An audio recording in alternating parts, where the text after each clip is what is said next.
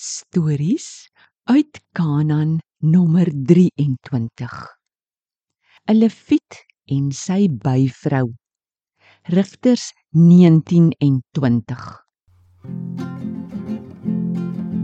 Lekker lekker storie tyd. Die Bybel vat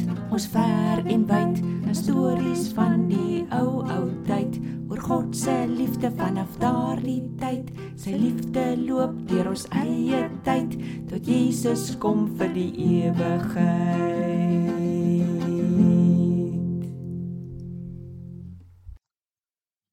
Oh, nee. Och, doggie. Oi.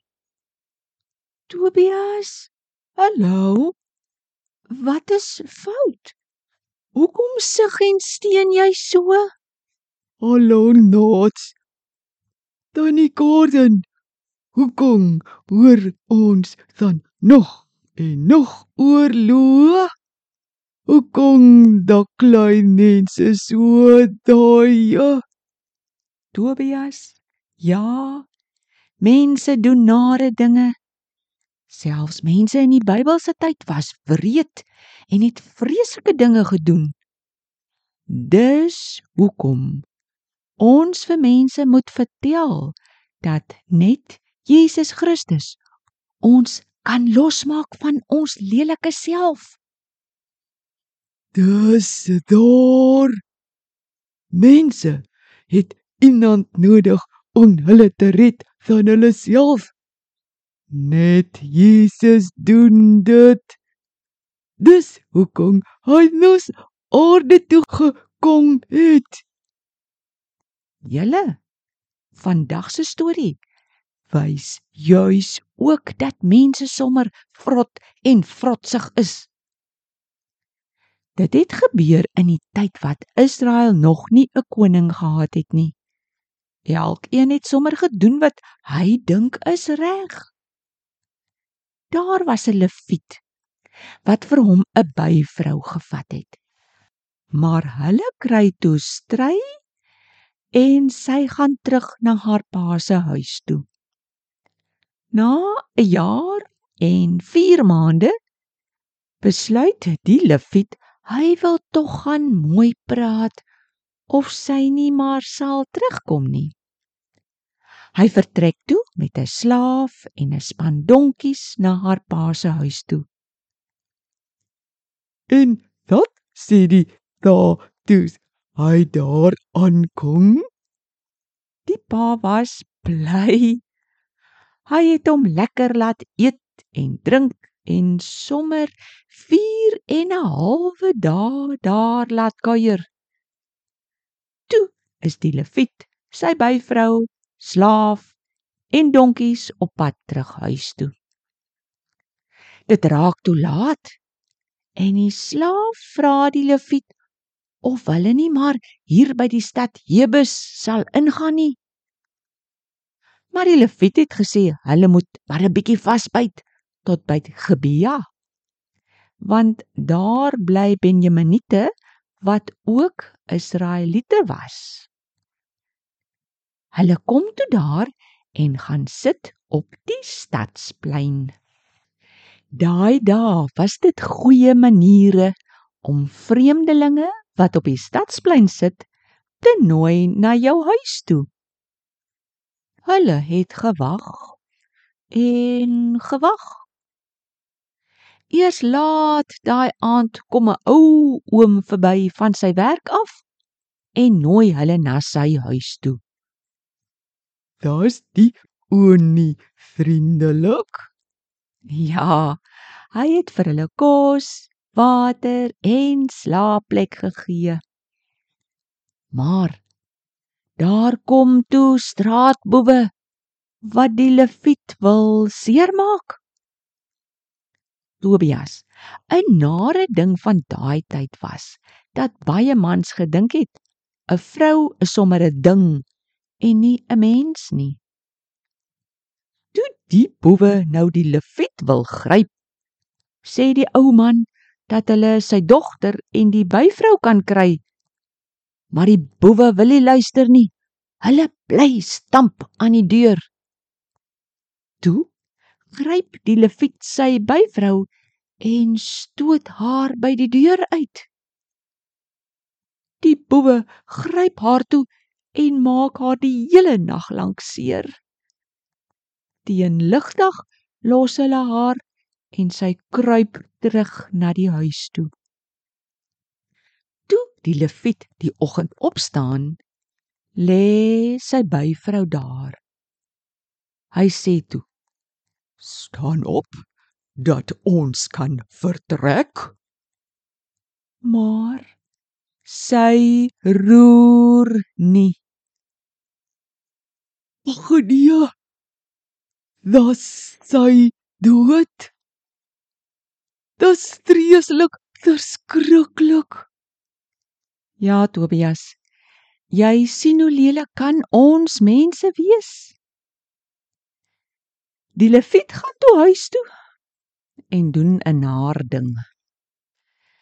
Hy sny sy byvrou se lyk in 12 stukke op en stuur dit na elke stam van Israel. Almal het hulle dood geskrik vir hierdie aardige pakkies. Hulle sê toe dat daar nog nooit so 'n afgryslike ding in Israel gebeur het nie. Almal moes 'n groot vergadering by Mispa bywoon. Hulle vra toe die leviet uit oor hoekom hy sulke vreeslike pakkies rondstuur. Hy vertel toe die storie op sy manier. Almal daar sê toe die Benjaminite moet gestraf word. Hulle gaan toe na Gebea toe en vra hulle moet die straatboewe oorgee dat hulle hulle straf kan kry. Maar die Benjaminite wou nie. Nee, hulle maak toe liewer soldate bymekaar om teen Israel oorlog te maak. Donnie kan nie wees nie. Julle 'n aaklige oorlog breek uit tussen Benjamin en die res van Israel. Israel het ewe vir God gevra wie moet eerste optrek teen Benjamin. God sê toe: "Laat Juda eerste gaan." Maar daai dag word 22000 van Israel se soldate doodgemaak. Die res gaan sit en huil vir die res van die dag voor die Here. Hulle vra of hulle weer moet optrek en God sê: "Trek op teen hulle." Maar die volgende dag sterf 18000 soldate. Toe huil Israel eers en bring glad offers vir die Here. Hulle vra toe weer of hulle nog moet oorlog maak. God antwoord toe: "Trek op, want môre gee ek hulle aan julle oor." En dat gebeur toe? Die volgende dag is 'n vreeslike geveg. 30 van Israel se soldate word doodgemaak, maar die Here help toe vir Israel dat daar op die ou end 50100 van Benjamin se soldate in die oorlog dood is. Al die stede van Benjamin is verbrand. Net 600 soldate het oorgebly. Hulle het gaan wegkruip by die Rimon rots. Donnie Gordon, dis 'n aaklige storie. Ek begin verstaan al beter hoekom dit nodig was dat Jesus na die aarde moes kom. Hy het ons straf kom dra dat daai Lewiet en die Juda en Israel en ons almal eintlik moet kry. Tobias, dis hoekom ons moet vertel en vertel en vertel. Jesus Christus is die enigste een wat die straf kon dra en ons mense kan losmaak van onsself. Daddy aldas ek nou so noedeloos aan die begin van ons storietyd.